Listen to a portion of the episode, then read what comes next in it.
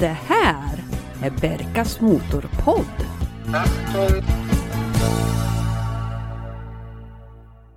Hej och välkomna till det 34 avsnittet av Berkas Motorpodd. Det här är ju podden för dig som gillar bilar. Och jag som hörs just nu kallas för Berka. Och den här podden den finns ju på Facebook, Instagram och så har vi ju den egna hemsidan också. Jag tycker vi drar igång på en gång.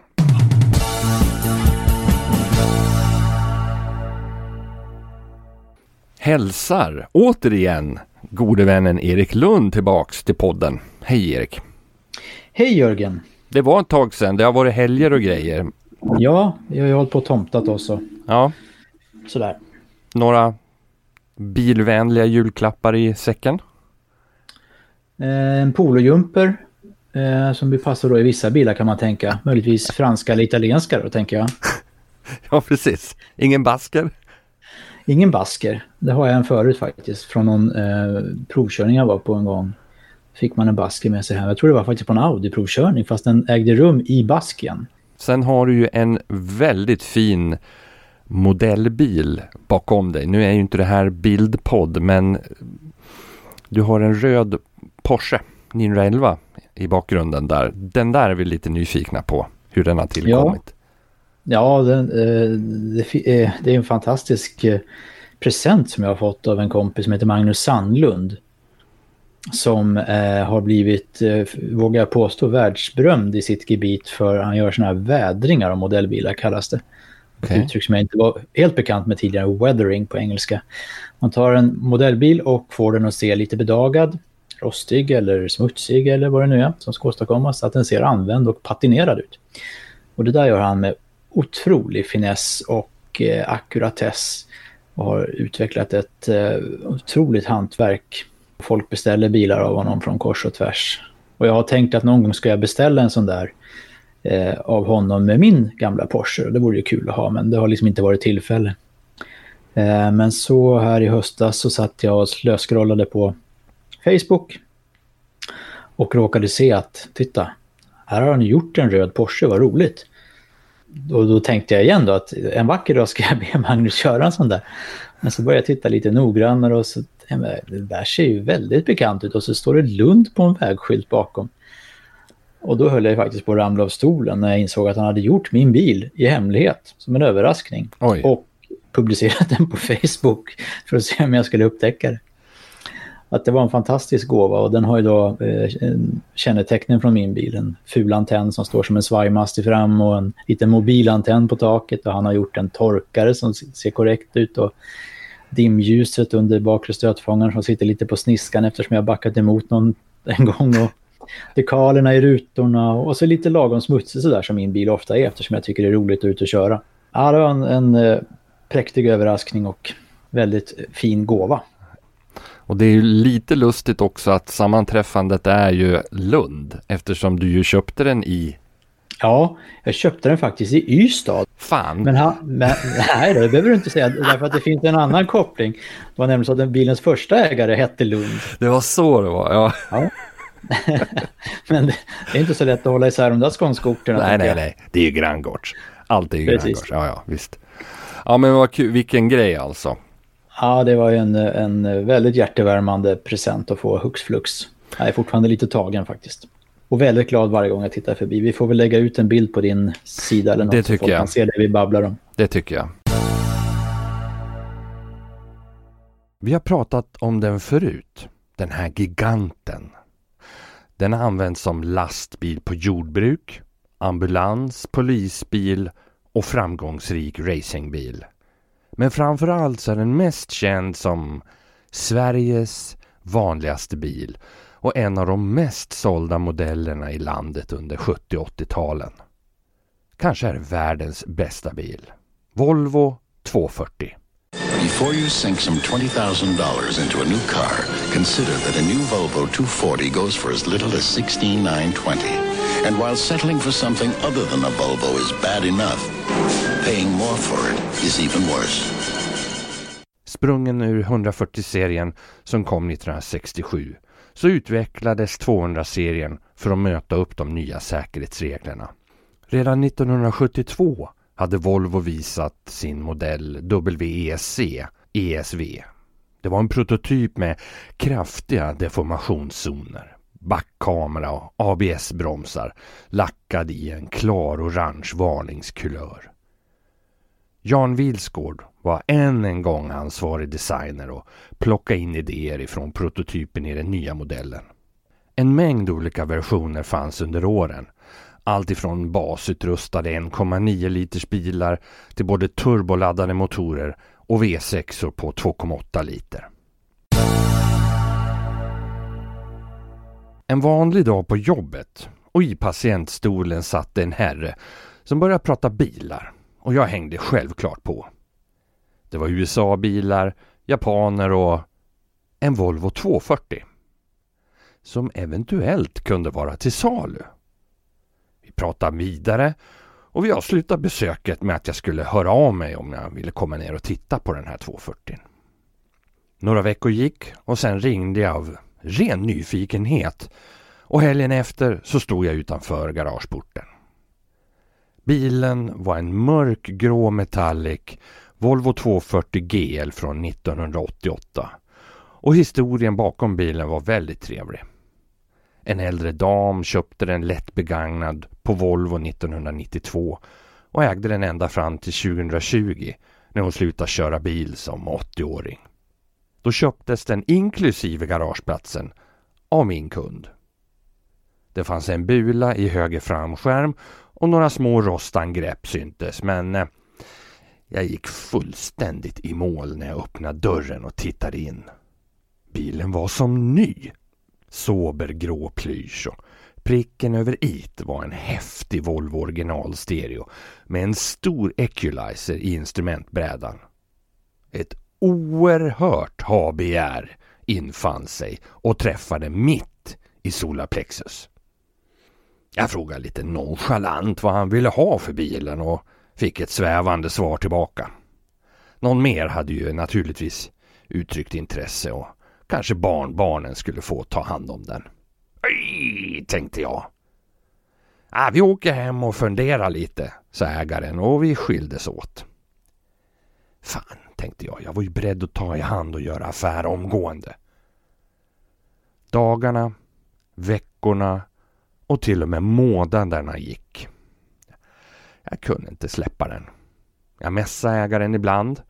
Nej, jag har inte hunnit fundera något, blev svaret. Jag ringde, samma svar. Till slut slog jag numret och förklarade att ah, nu vill jag veta här eftersom vintern ju var i antågande och garageplats måste fixas om bilen skulle kunna förvaras.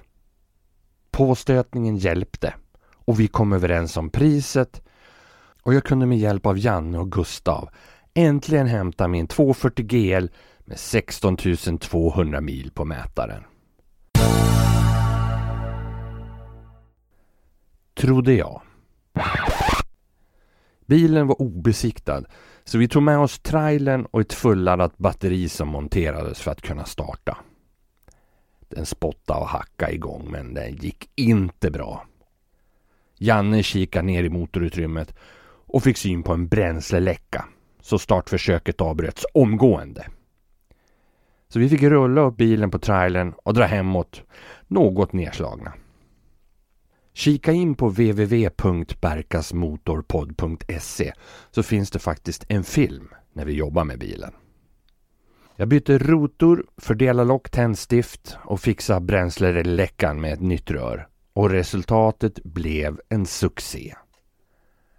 Bilen startade omgående och gick hur bra som helst. Och vi gjorde en testrunda och då kom nästa bakslag. Fick ingen värme in i kupén. Motortempen var normal, men ingen värme. Och det visade sig att värmekranen hade gett upp. Och efter ett byte, då blev det normalt klimat inne i bilen igen. Jag slipade och lackade om vindrutetorkararmarna för att höja helhetsintrycket och tyckte att det var nog värt en chansning att besikta. Bara för att se vad som mer behövde åtgärdas.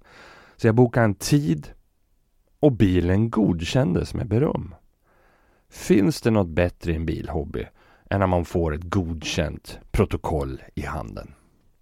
Nu kunde Operation Rostfix inledas. Bilen lämnades till en mycket skicklig bilplåtslagare som bytte all drabbad plåt och en ny höger framskärm hängdes dit eftersom det befintliga inte gick att rädda. Och det var inte på grund av rost utan det var någon som hade missat domkraftsfästet och hissat upp bilen i kanten på skärmen med en rejäl deformation som följd. Sen trailades bilen till Västerås för att få en ny lack och sen tillbaks igen för montering. Slutresultatet blev bländande. En tidskapsel från slutet av 80-talet och en klassisk Volvo 240 i samlarskick. Som grädde på moset så hittade jag tidstypiska aluminiumfälgar av typen Penta 100 plus som nu ger bilen ett tuffare utseende utan att störa originaliteten. En varvräknare och en voltmätare har hittat sina platser i mittkonsolen där det fanns två lediga platser för att ge en trevligare vy över instrumentpanelen. Centrallås och taklucka var ett av de få tillvalen som kryssades i vid beställningen och det är kul attribut idag. Den debuterade i Mybergsrallyt med Gustav som förare helgen innan midsommar och har dessutom fått väldigt mycket beröm på några bilträffar och även vid bensinmackar då folk spontant kommer fram och lovordar skicket. Många hejar glatt när man kommer körandes med den och visst sitter den cementerad i folksjälen, 240.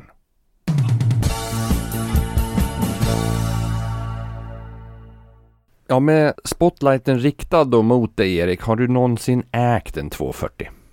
Alltså det värsta är att jag tror att jag är ägare till en. Ja, tror?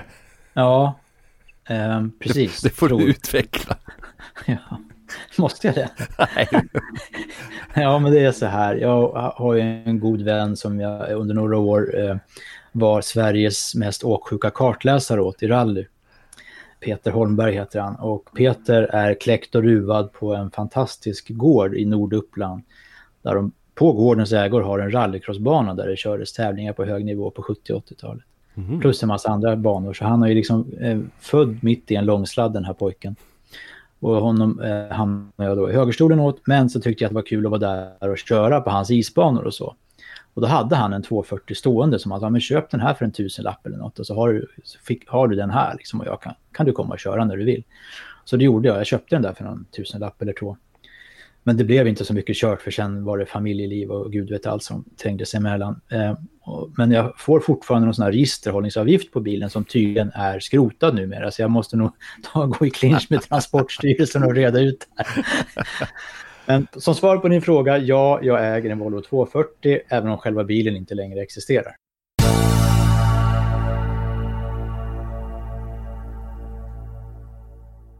Var det här världens bästa bil? Nej, kan det väl inte ha varit. Men den har ju många förtjänster och man kan ju inte låta bli att tycka om den. Men världens bästa bil kan det ju rimligen inte vara. Det är en jädra pjäxa alltså. Nej, men jag, jag åkte ju en del rally med Peter även i Volvo 240.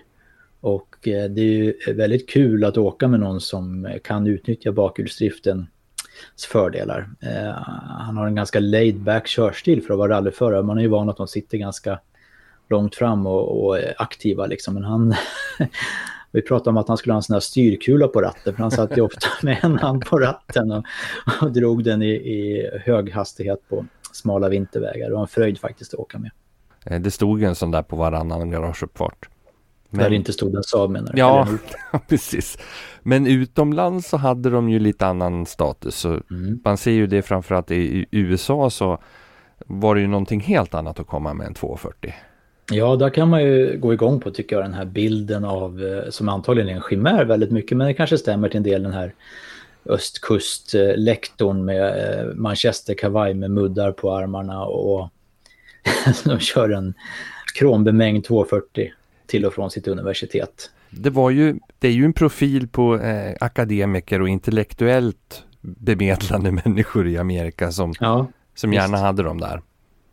Sen minns jag den här eh, som refererades i biltidningen i slutet på 80-talet hade, hade gjorts någon undersökning påstods det bland italienska unga killar vilken bil de tyckte var tuffast.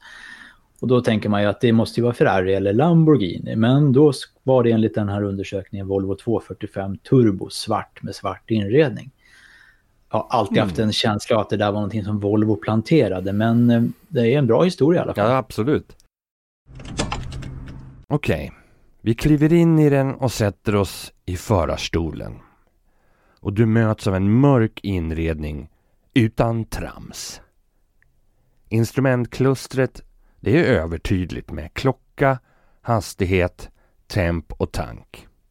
Till höger så ser du varvräknaren och voltmätaren och sen kommer den här stora stereo equalizern. Under pennhyllan så har du skjutreglage för luft och temperatur och fläkt. Och så har du den här. Just det. Bältespåminnaren. En klassisk säkerhetsdetalj. Underst hittar vi stereon. Växelspaken är inbäddad i en läderkuliss och växellådan i den fempetade lådan går väldigt mjukt. Att köra den här bilen, det är en avstressande upplevelse. Det finns inget hetsigt temperament eller någonting som pockar dig på axeln och vill att du ska trycka på mera kraft. Det här, det är en lång, grov och stolt viking. Ingen nervig italienare med kraftig axelvadda på sin skräddarsydda Armani-kostym. Man sitter tryggt i sina jeans och grovstickade polotröja och njuter av framkomligheten. Den rullar lite lagom till kurvorna och niger smått vid inbromsning, men aldrig i någon överdrift. Det här, det här är ett annat typ av entusiastfordon än en 911 eller en Quattro och jag uppskattar den lika mycket. Vad tyckte pressen? Men en sån här 240 då Erik, eh, siffror på en sån där, är det, är det rappa prylar det här eller? Ja, jo, de är ju kända för sitt eh, vilda temperament och sina eh, väldigt nytra köregenskaper. Ja. Om vi tittar i alla bilar-boken som Teknikens Värld gav ut varje år. Så eh, här konstaterar man att 1988 då som det här gäller, eh, att DL, den enklare utrustningsversionen, försvann till det modellåret. Så nu var den enklaste GL. GL var ju lite lyxigt på 70-talet. Mm. Men de devalverar sina beteckningar. Och det sker ju fortfarande har vi lärt oss. Eh, men 116 hästkrafter är ju inte så att man eh, tappar brallorna riktigt. Ja, men enligt samtida eh, uppgifter så gjorde en sån här 240 GL 0 till 100 på 11,6 sekunder och toppade 177. Och eh, grundpriset eh, för en eh, fyrdörrars eh, fyrväxlad 240 GL 1988. På hösten 1987 tror jag den här boken sammanställdes. Det var 97 900 och ville man ha en femväxlad då fick man pynta 104 400. Och för en automat, vilket man väl egentligen inte ville ha i en sån va? Nej. 109 650. Man har känslan att de där 11,6 sekunderna eh, blev det snarare 14-15 då kanske. Ja, det måste de ju ha blivit bilannonsglöd. Eller? Men älskling, vad ska du med den där till? Det finns ett enormt utbud. Men då ska man vara medveten om att även skicket varierar mellan rent skrot och nyskick. En 240 besiktat fungerande bruksskick kan ligga på mellan 20 och 30 000. En rostfri bil, ja runt 40 till 45 och roligare versioner som GT och Turbo, de ligger på 150 och uppåt. Och på den stora annonssidan på nätet så fastnar jag för en röd Metallic 244 GL med Amerikalysen från 1976. Den har taklucka och skinnklädsel, vilket är väldigt ovanligt. Och dessutom utrustad, citat, med fler knappar i instrumentpanelen än en DL, slutcitat. Rost finns tyvärr i överflöd, men en kul och ovanlig toppmodell från 76. De begär 20 000 spänn. Dyrast, det är en krämvit 242, också från 76. Och den här bilen ser riktigt fin ut. Men man har hängt på en framspoiler som först dök upp på GLT och Turbo 81. Och priset då? Ja, det är naturligtvis alldeles för högt. 199 och 9.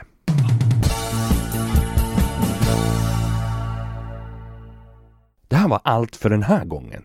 Tusen tack för att du har lyssnat på Berkas Motorpodd. Och glöm inte kika in på hemsidan www.berkasmotorpodd.se där bilder på alla bilarna finns och videoklipp till exempel på den här 240 som jag pratat om idag. Vi hörs nästa avsnitt och tills dess, kör så du trivs!